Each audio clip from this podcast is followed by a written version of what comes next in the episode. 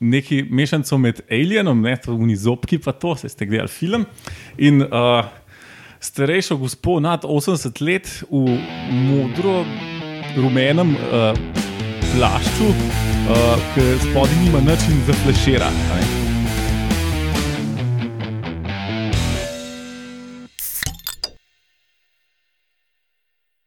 Lepo zdrav, poslušate 75. oddajo Metamorfoza, podcast o biologiji organizmov, ki vam jo predstavimo skozi lahkoten pogovor ob pivu in šnopsu. Danes na sporedu klasična epizoda, kjer bomo med novicami govorili o tem, zakaj so vodni sesalci večji od kopenskih, pa o pomenu vretenčarjev kot opraševalcev, in potem ali ste vedeli, da čebela lahko piči več kot enkrat. In vaška posebna že danes kit samorok in sarkastični široko ustnež. Široko ustne se ti prevede. Uh, jaz sem to tako prevedel. Aha, jaz sem, jaz sem svojo varianto. Ja, ja, no, no, no, ja.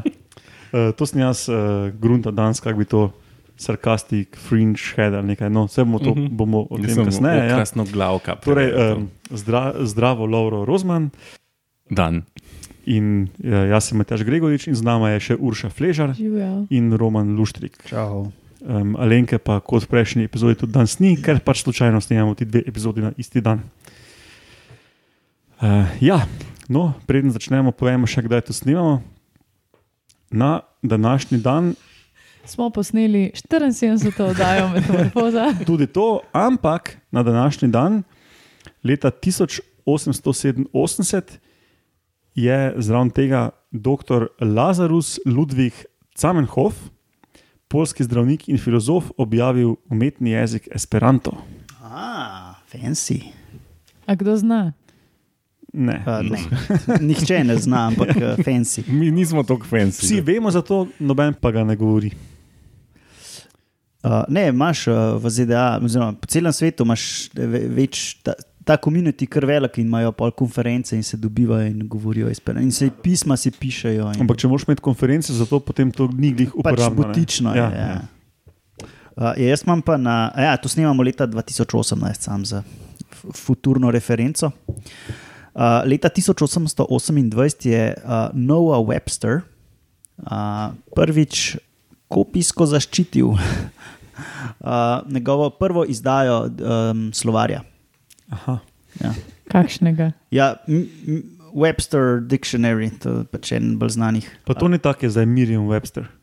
Um, George in Charles Miriam sta par let potem, ko je umrl Nova Webster, sta kupila pravice za ta slovar. In, ja, to je isti slovar. Mislim, isti.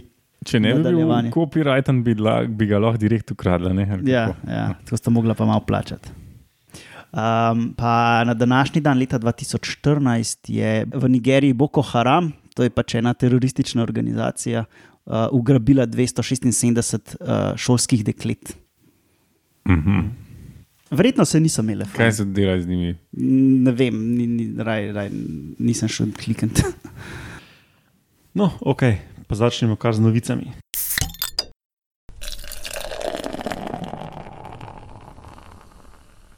In prva danes je o tem, zakaj so vodni sesalci večji od kopenskih.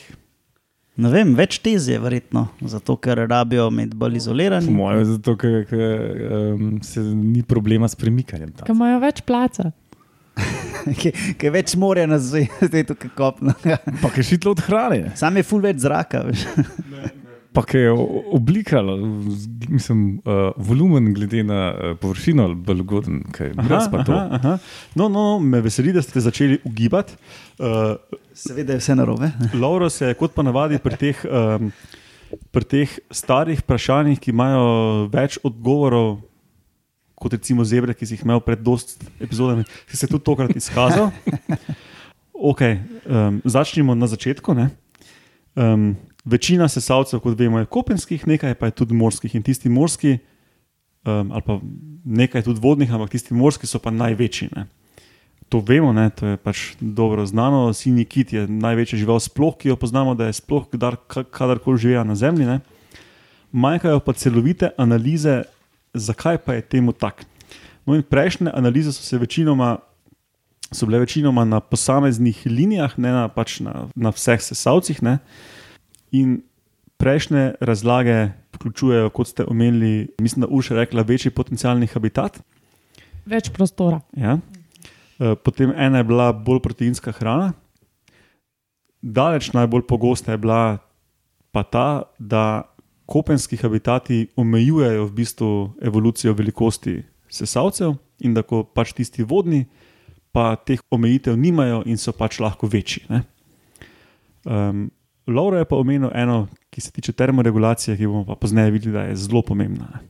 In je stare razlage ne omenjajo. Um, teda dobro si ugival, Laura.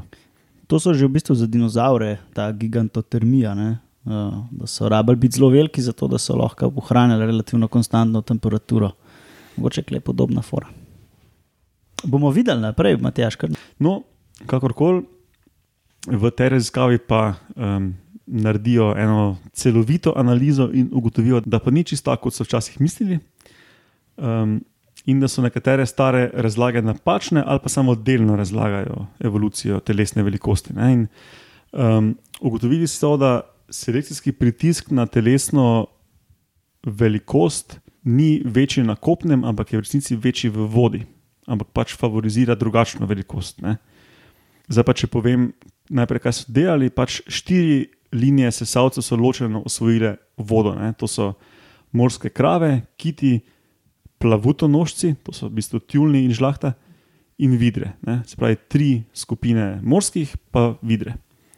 No, in v tej študiji so pogledali te štiri uh, linije sesalcev ne? in so pač primerjali uh, kopenske in vodne potomce skupnih prednikov ne? in jih pač primerjali, kakšna je evolucija velikosti v teh, liniji, v teh linijah potekala napram prednikom. ne.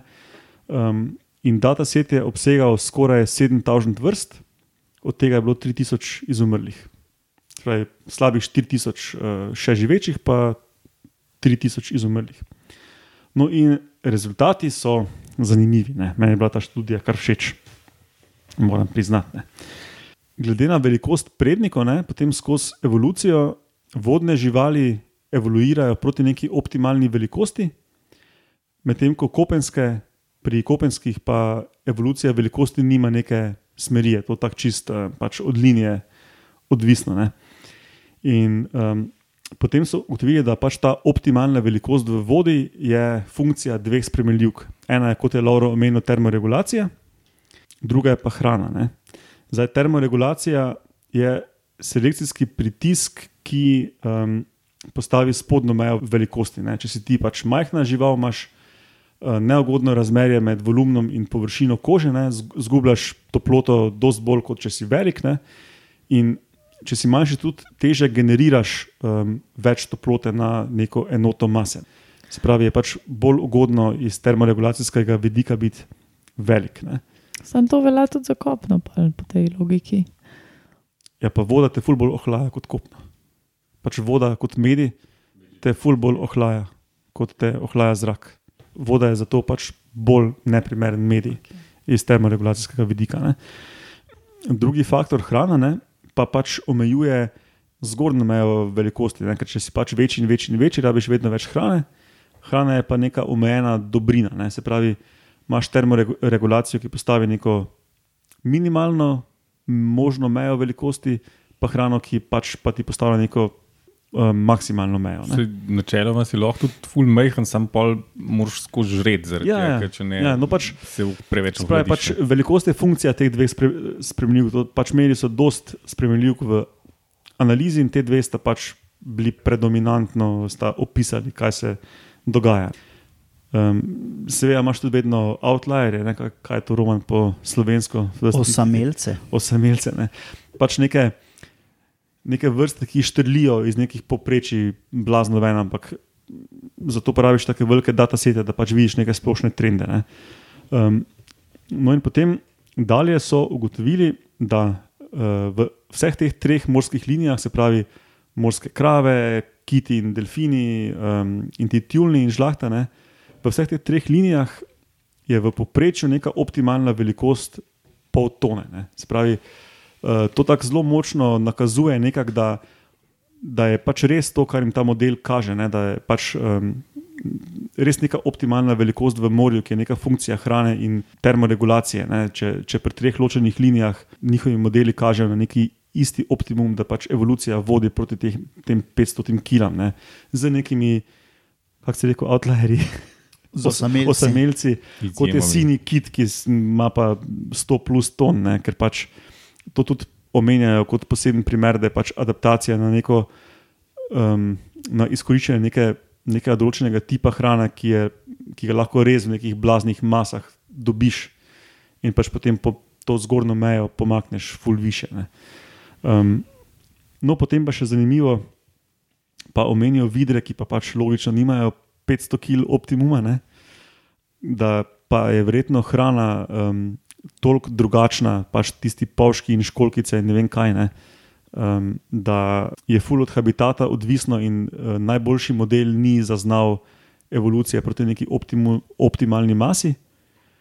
Um, So pa tudi kosmate, ne, tako da mogoče to tudi pomaga. tudi mogoče. Um, je pa drugi najbolj optimalen model nakazoval, da če pa je mogoče nek optimum, ne, tu še pač, pač mislijo, da pri sladkovodnih še rabijo več raziskav, ne, ampak da pa če pa obstaja nek optimum, pa da mogoče njihov model ni najboljši, je pa ta optimum verjetno tam nekje okoli 10 kg ne, v, v sladkih vodah. Um, no, da to se mi je zdelo tako zelo kul. Cool. No, Matjaž, to te bo siguren tam malo vprašal čez par let. Ja, uh, sej, to je bilo to, zakaj se meni ta članek tako dopadel. Ne? Ker je tako eno staro vprašanje, pa um, bi jaz, preden je ta študija prišla ven, odgovoril, pač, ker jim okolje to dopušča, ne? da so večji. Pa v bistvu je to. nisi strašen veliko povedal. Točno to je. Ja. V bistvu to ne odgovori. V bistvu to, to, da so lahko večji, ne pomeni, zakaj so večji. In Mhm. Tako staro vprašanje in evo 2018. prva študija, ki pa cel, se celovito um, loti tega vprašanja. Ne? In me je to tako kar presenetilo in sem bil kar zadovoljen, ko sem ta članek bral, no, da pa mi osvetlijo neke nevednosti, ki sploh nisem vedel, da jih imam. ja. Še koga kaj zanima? Ok, te pa gremo na drugo novico, ki je o pomenu, nevret, eh, pomenu vretenčarjev kot opraševalcev. Ja, vse zemeljski pomen vretenčarskih Tako, opraševalcev bi nekateri prevedli. Um, A boš o netopirjih govoril? tudi Pa a, pticah? pretežno, pretežno v netopirjih, malo pticah, pa še fulmano v kakšnih rokah, pa uh, glodavcih. Večina rož, kot cvetine, teh cvetnic, to je tako, ne, skoraj 90 posto uh, je vprašenih strani živali. Zdaj, pač ja, velika večina so to neki, neke žuželke. En delček je pa tudi vretenčarskih, se pravi, ptiče, ptiče netopiri, Pravke. Prav, ja, pač ti mali sesalci.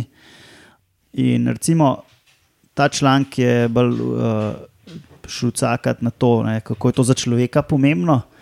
Uh, in 75% rastlin, ki jih uporabljamo v kmetijstvu, se zanaša na to, da jih živali vprašijo. Uh, velika večina sicer to je uh, žuželke, ne, uh, kakšne črle, čebele, pa ne samo te čebele, ki jih vidimo v teh čebelarskih panjih, ampak tudi tiste samotarske, Divje. divje. Mm, No, in med temi vretenčarskimi vpraševalci so pomembni, kot sem že menil, uh, ptiči sesalci. In na leto, približen, ve, več kot dve vrste na leto, premaknejo na rdečem seznamu bolj proti ogroženosti te živali, ki vprašujejo. Tako da v teoriji je nevarnost, da bi nekatere rože lahko ostale brez opraševalcev. Pri pticah je teh skoraj tisoč vrst. In uh, teh tisoč vrst vprašuje recimo 5% kulturnih rastlin. Um, to pač sicer je relativno majhen delež, ampak za nekatera gospodarstva je lahko to kar pomembno. Uh, bomo pol videli na primeru netopirjev. Um, in netopiri so pa pač daleč najbolj pomembni vretenčari, ki vprašujejo rastline. Preko 500 vrst uh, rastlin vprašujejo.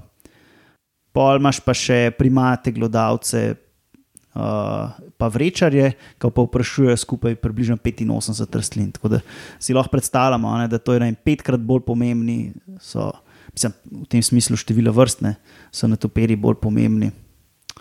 Ampak to je večinoma v tropih. A? Ja, uh, ti, da bi mi brala zapiske, ampak jih ne vidiš. Ne? Um, ti vrtenčarski vpraševalci so predvsem okoli ekvatorja, sem pa kaj še ne v Severni Ameriki, pa v Avstraliji, vrečari. Uh, drugač pa ja, Afrika, pa Azija v trop, tem tropskem delu. Uh, zakaj so ti vrtenčari pomembni? Uh, so delali poskuse in so rastlinam omejili dostop, da bi prišli vpraševalci, in so imeli zmanjšano reprodukcijo tam do 63 posto. S tem so pokazali, da pač za nekatere rastline so vretenčari pomembni, da jih vprašijo. In od tega pač največ škode je bilo, če so pre, preprečili dostop netopirjem. Vem, za 83 posto je padla uspešnost, pri pticah za malo manj kot pol, pa pri gledalcih tudi tam nekje. Um, Mi je bil ta človek zanimiv, no, zato ker so bili dosti skeptični do svojih datasetov in so za gledalce rekli, da nimajo dobrega, dobrih podatkov. Uh, verjetno tudi na račun tega, da je tega relativno malo. In prej sem omenil, ne, da uh, nekatere vrste vprašujejo. Nek, lahko določene vrste, in če ta vpraševalec izgine, lahko izgine tudi roža. Ne. Sicer zaenkrat tega črnega scenarija še niso dokumentirali, ampak uh, je pa zlahka si, pred, si ga lahko predstavljamo. Uh, in mogoče smo, to smo že enkrat omenjali, Matjaž bo lahko več povedal, um, da so vrtenčari, ne, se pravi, na toperi najpogosteje uh, pomembni za vpraševanje nekaterih tropskih sadežev, kot so pitaja, to je tisti dragon, neki Fruit. Dragon fruit, ja, zgleda, kot bi zmajevo jajce pogledal kot bi si ga predstavljal. No. Agave in durian. Aha, od durian, misliš? Od durian, ja. Um, in tega, to vse vprašuje na topiri. In če bi izginili te topiri, bi verjetno izginili tudi, ali pa bistveno bi se zmanjšal pridelek teh tropskih sadežev, in uh, fulmen bi smrdel, očitno po tržnicah. Ja. Turisti se vedno ne bi pritoževali, če bi bilo manj durijana, medtem ko domačini pa bi se. Ja. Ja. Um, bi pa kakšna hotelska čistilka bila bolj vesela, ker ne, ne bi rabila kozanja napucati po tistem duju. Čak, a polk je to, ko zlaš, boljš diši ali slabš? To, to je dobro vprašanje. Ja. Vprašanje je, če lahko slabš, ampak ja. začenja z bruhico. Ja, ja. Zgleda kot rek, von ima pod reko. Oglaša se kot drek, pa, pa mora biti drek. Pol mora biti durjan. Tako da ja, no. Um, uh, hotel so opozoriti, da so sicer vretenčari relativno majhen delež teh vpraševalcev, ampak kljub temu pa lahko zelo pomembni. Mm. In bi bilo pač po svoje, že samo brez tega, kako to na ljudi vpliva, po svoje žalostno, da če bi to izginilo ali pa se v veliki meri izginilo. No. Um, no, mogoče moramo zdaj še za poslušalce omeniti, uh, tiste, ki ne poznajo tega. Durian je, za Nemčijo je samo jugovzhodna Azija, ali še, dru, ali še kje drugje, ampak en sadež, ki res no, smrdi, po narekovajo, ima res, res močen vonj, je tudi lokalno tam, kjer ga obožujejo, prepovedan v um, zgradbah, na vem, avtobusih in drugih javnih prevozih in podobno, ne, ker ima pač preveč močen vonj. In je pač očitno acquired taste in ga ne jesti v kombinaciji s pivom, prosim, lepo. Uh, pol boste zašlopali vece čez par ur. uh, prepoznanih je 30 vrst Durjana in izmed teh 30 vrst imajo še več sort.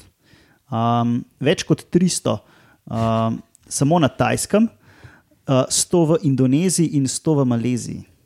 A to pa so res ljubitelji tega. In... Lej, ja. Imáš 300 sort uh, ogabnega od Durjana, verjetno ni. Na ključno. Ne. Očitno bomo to mor morali imeti za vaše posebne žene. Nič, gremo No, naprej. to je bilo to. Ja, ok, gremo na ali ste vedeli.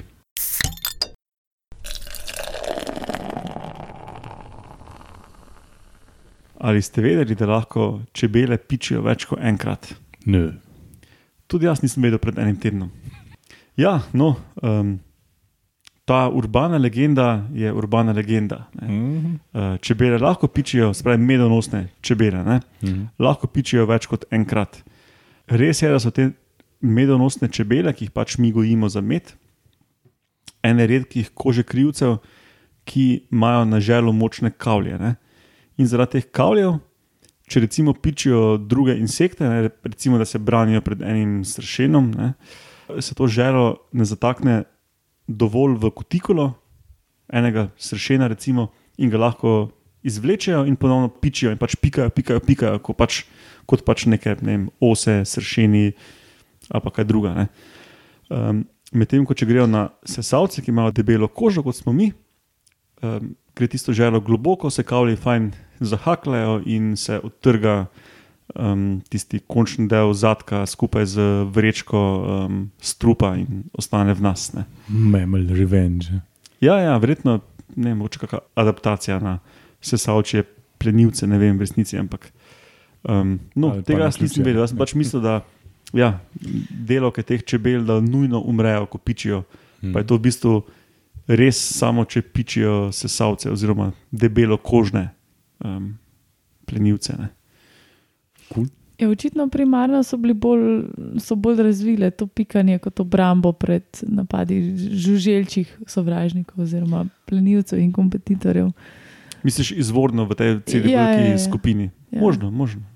Pa ja, pa sej so ose, pa sršeni, kar pogosti Ja. plenilci. S, Ja, no pač um, ose, sršeni, čmrli, uh, večina samotarskih čebel um, nimajo kavljev ali pa so kavlji ful majhni. Ne? Uh, in pač ti pikajo pač večkrat, ker jih pač ne, ne raztrga. Ne? Um, no, drugače pa se mi je pa zdelo pri tem še zanimivo, ne? če te recimo kot človeka piči čebela, pa ti ostane ona vrečka s trupom, ki pač pa še z, nečim, z, ne, z nekimi mišicami zraven in pulzira. Ne? Ti v bistvu izloča strup noter. Ne? in V bistvu te je pičla enkrat, ampak dobo si pa večkratno dozo, ne? kot da bi te večkrat zaporedoma v bistvu pičla. Ne? Eh, Pač kar si neugodno, ne? pač, ja, pač dokler si ne, onega ven ne potegneš. Ne?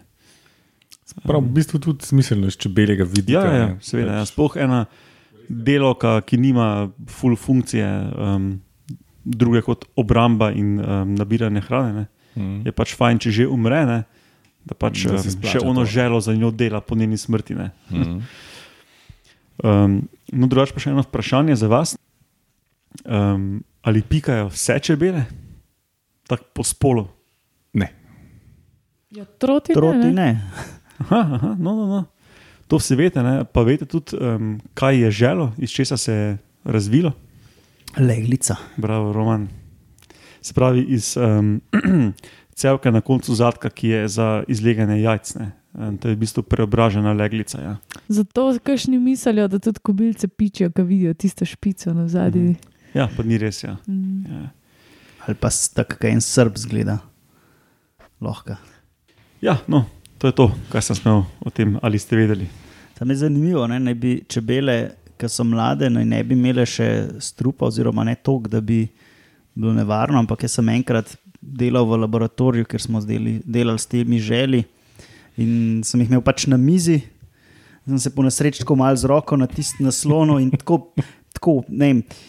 Stotinko milimetra sem si zapičil not, pa sem dobil reakcijo. Okay, res, res, da sem malo alergičen na to zadevo, ampak ne, v teoriji naj ne bi bilo reakcije, ampak je bila. Da, to bi bilo mogoče zanimivo raziskati, kdaj se strup aktivira, oziroma kdaj ga je dost. Se lahko kot raziskovalec teštiraš sam na sebi, kot je un tip z jeguljami testiral, koliko stresajo. Um, je tudi en drug tip, ki vse, kar strupenega najde, pusti, da ga piči.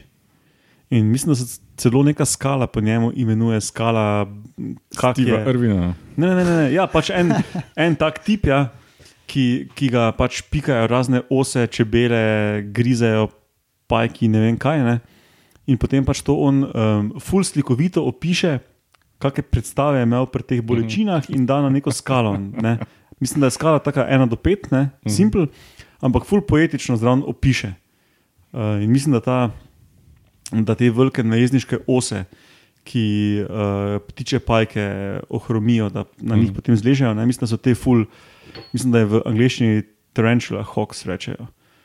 Um, da te uh, imajo neki blazno, blazno močno, kratkotrajno, ampak blazno močno bolečino. In, Mhm. ja. A Niso ene mravlje najhujše. Ja, bullet ends. ali Ja. nekaj A, pa to, ja, ja, ja, Ja. Pa to tudi, ja, ja, ja, ja. bullet ends. Ja. Ok, gremo na vaše posebneže.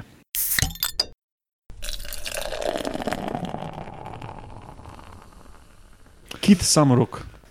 Matjaš je uničil presenečenje, zato ker sem hotel začeti s tem, da samorogi so resnični in obstajajo, sam pač ne na zemlji in nimajo kopit. Ne, čakaj. No, čakaj, kaj pa, kopnem. kaj pa uni, eh, kaj Nosorogi, nosorogi, ne? Ja, seveda. Ja, pa so nosorogi, ne samorogi. Pa dobro. Ja, sam s tem, s tem se Pač dobe. debeli so, no. Ne zdaj fat shame, tu ne. Obojim je to skupno, to se strinjam, ampak dobe se eno ime imajo, pa samo te. Nosorogi.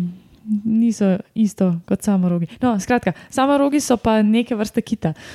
Mm, Sej jaz sem prepričana, da poslušalci vejo, o čem govorimo. To so tiste malce večje beluge, ki niso bele, ampak malo šekaste in imajo tako en ogromen rok iz nosa ven, jim štrli, včasih celo dva. Tisti rok je za čuda zob in to sekavc, ki zraste nenormalno, eh, naravnost in zavito in dolgo. Mm, Naravno spiralno zavito. Ja, spiralno Ja. zvito. Ja. No, kot pravim, en ali dva. Je pa to mm, lastnost večinoma samcev, se pravi, samo, imajo samo 15% samic te zobe tako izraščene. Seveda to pomeni, da ta drugi zob, če seveda nista dva izraščena, ne, je normalen in vsi ostali zobje tudi normalni, ampak funkcionira pa pač podobno kot zob. Ne. Se pravi, še vedno je enako uživčen, um, enako čuti te spremembe v temperaturi. Um, špekulirajo pa tudi, da mogoče zaznava celo spremembe v slanosti. Ne. No, in zdaj sem že začela eno temo, o kateri v bistvu sem zdaj večinoma mislila govoriti, zakaj sploh pač imajo te rogove oziroma zobe, ne, ampak recimo jim rogove, zato ker pač se mu reče živali samorok. Mm, tri take glavne razlage so. Ne. Eno je to, kar sem zdaj rekla, da mogoče pač eh, s tem bolj zaznavajo svojo okolico, naj bo to neka temperatura vode ali njena slanost, ali uh, slanost pač zato, ker tudi nakazuje, koliko, so, koliko se let topi in um, kje bo pač več hrane.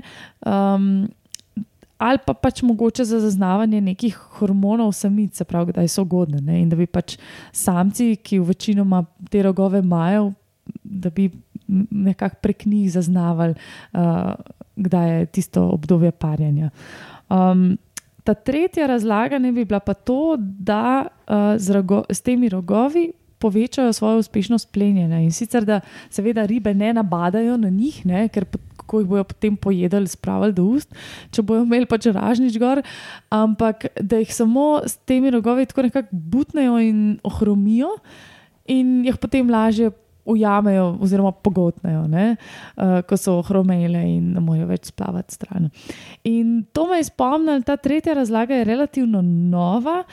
In spomnila me je na uh, BBC-ov dokumentarc Blue Planet, kjer so pokazali s, točno takimi kamerami, ki jih je Matjaš omenil v prejšnji epizodi, te, um, s temi high-speed kamerami, kako mečarice lovijo. Ne? Ker um, zaenkrat tudi še nismo vedeli, kaj točno mečarice delajo s tistimi svojimi podaljšanimi zgornjimi čeljustmi. In mislim, da, ko se spomnim tega BBC-jeva dokumentarca, so rekli, da točno s temi kamerami so oni prvič dokumentirali, da dejansko mečarice butnejo ribe. In s tem preprečijo to hitro umikanje, oziroma jih na nek način ohromijo in potem požrejo. Ne? Mečerice, še eni samorogi, ne, ki jih imamo na planetu. Tako, ne? in v bistvu, če pomisliš na to dvoje, um, zna biti podobnost, ne? zna biti konvergenca. Mislim, ker če je plenjenje, ne, zakaj ima to v glavnem en spol? Ne? Um, ja, to je bilo tisto, kar sem rekla, da mogoče z njimi zaznavajo hormone. Je pa tudi ena kontra zadeva, ki bi govorili, um, ki bi v bistvu kontradiktirala temu, da bi rok bil neke vrste posledica spolne selekcije. In sicer to, da zaenkrat še ni nihče dokumentiral nekega agresivnega vedenja med samci, ne? da bi se pač s temi rogovi nekako spopadali ali pa izkazovali svoj, svojo moč, svoj status. Pred samicami, tako kot to počnejo, kot jeleni, srnjaki in ostale pač kopenske živali, ki imajo rogene. Evo, lahko pa metamorfoza postavi novo hipotezo. Ne? Tako smo imeli ene, nekaj, dve, tri epizode nazaj o štetju živali, ko smo imeli one žabe, ki so štele, ko, ko samice štejejo, koliko regljajo samci. Ne? Mogoče pa eh, samice teh kitov gledajo, kjer ima večjega. Ne? Ali pa kjer jih ima več, ker lahko ima tudi dva. Ja, ja, dr drugač, ena študija je, je pokazala, da večji kot je ta rok, večji so tudi um, pravi, jajca, Mm, testi. Testi si. Ja. Urša si umenila, da ne bi zaznavali tudi uh, neko, neke lastnosti vode, ampak si ne predstavljam čisto, če je to zob, kakšna čutila ima ta hudič bolj tam gor. Uh, je to pokrito še s čem, s kakšnim tkivom dodatnim, kaj veš? Ne vem, mislim, da ne, ampak si pa predstavljam, da tako, ker nas skeli, če premrzlo pijemo, pa prevroče, oziroma da zaznamo nekako tudi na zobeh temperaturo, isto oni, ne? pa mogoče še kaj več. Glede na to, kar so v prispevku rekli, ta slanost, očitno imajo neke pač drugačne živčne plete že tam noter. No, tako da samo rogi obstajajo, to je to, kar o njih vemo, veliko še ne vemo, tako da čakamo na nadaljne informacije. No, ok, te pa gremo še na ene ribe. Vaški posebnež na vrtu. Uh, gre za uh, sarkastično, uh, okrasno glavko. Um, ja, tako, tako sem jaz to krstil. Kaj že Matjaš rekel na začetku? A, jaz sem rekel, široko usteš. Ja. Uh, no. ne, ker, sej, f, uh, ker v angleščini je sarkastik fringe head. Ne? Ja. In fringe je neka, neko okrasje po robu, ne? obrobno ja, v bistvu, okrasje. Trilček je to. V bistvu, ja, za nekaj obrobnega gre. No? Ja. Ja, pač, uh, ali potem pod drugim geslom v slovarju gre pa pač za neko okrasje. Ne? Se pravi. Ja, no, in potem, ko sem se jaz trudil, da bi za, za napovednik to poslovenil, sem si rekel, ja, se pa ne rajem nujno prevesti iz angleščine. Ne? In potem sem se pač spomnil na to kako pa izgledajo ta usta, in sem pač mhm. dal široko ustešne. Ja, jaz sem pa tudi tako iz, iz uh, videza potem šel sklepati, ker pač, da je to nekaj obrobnega, to je že, že na umen, ne? ker če tisto reč pogledaš, bi bila mogoče lahko krasna, ne? kot bomo zvedeli, da je lihkar. Torej, gre za ene um, do 30 cm velike ribe ki izgledajo čisto normalno, no, tako čisto v redu so. Uh, živijo ob uh, pacifiški, pacifiški, pacifiški obali Severne Amerike, to je una ta leva, uh, zahodna, za uh, nekatere. V glavnem, um, gre za zelo teritorijalne živali, živijo v takih brlogih, ki so ponavadi neke školkice in ven mulijo pač glavo. In zgleda čisto normalen, razen če pride kdo mem, tam kdo mem je lahko ali plen, uh, ki ga pol požre, ne pa ni več tacga. Ali pa če pride kakšen, ki bi bil lahko konkurenca in pač jedo njen plen, takrat se pa zelo uh, razhudi. Ali pa pač uh, tudi recimo drug, uh, ne vem, hobotnica, druga riba. Boh ne da je drug samc iste vrste. Uh, takrat, takrat gre pa medieval. Predstavljajte si zdaj, uh, neki mešanico med Alienom, ne to unizopki, pa to, se ste gledali film.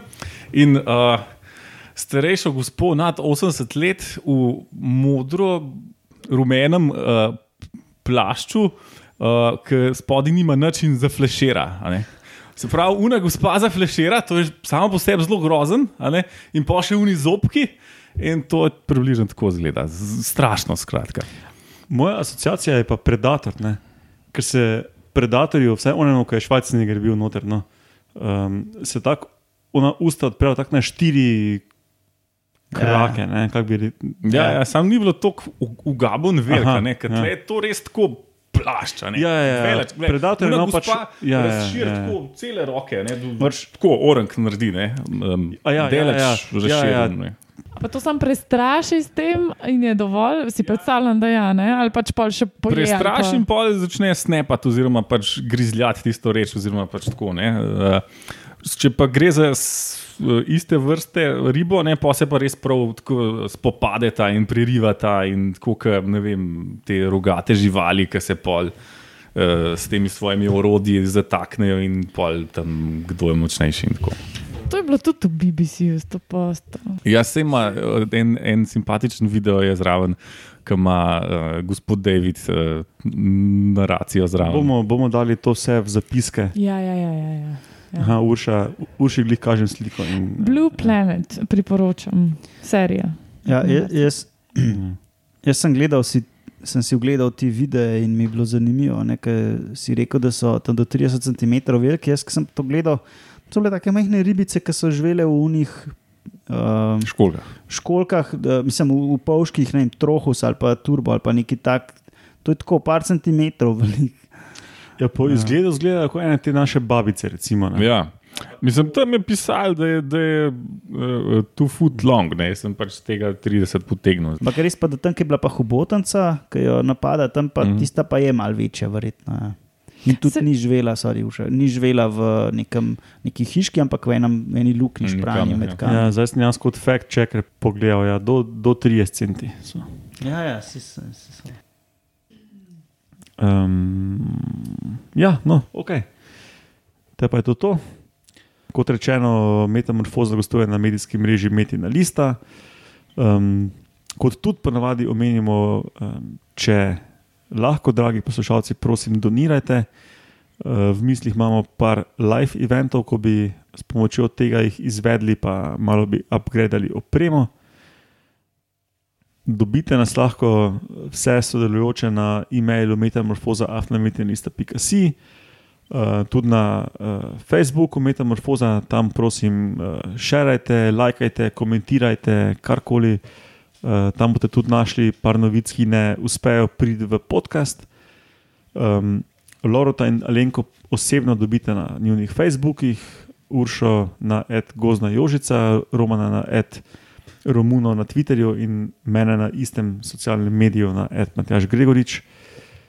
Um, ja, in do slišanja prihodnjič. Dio.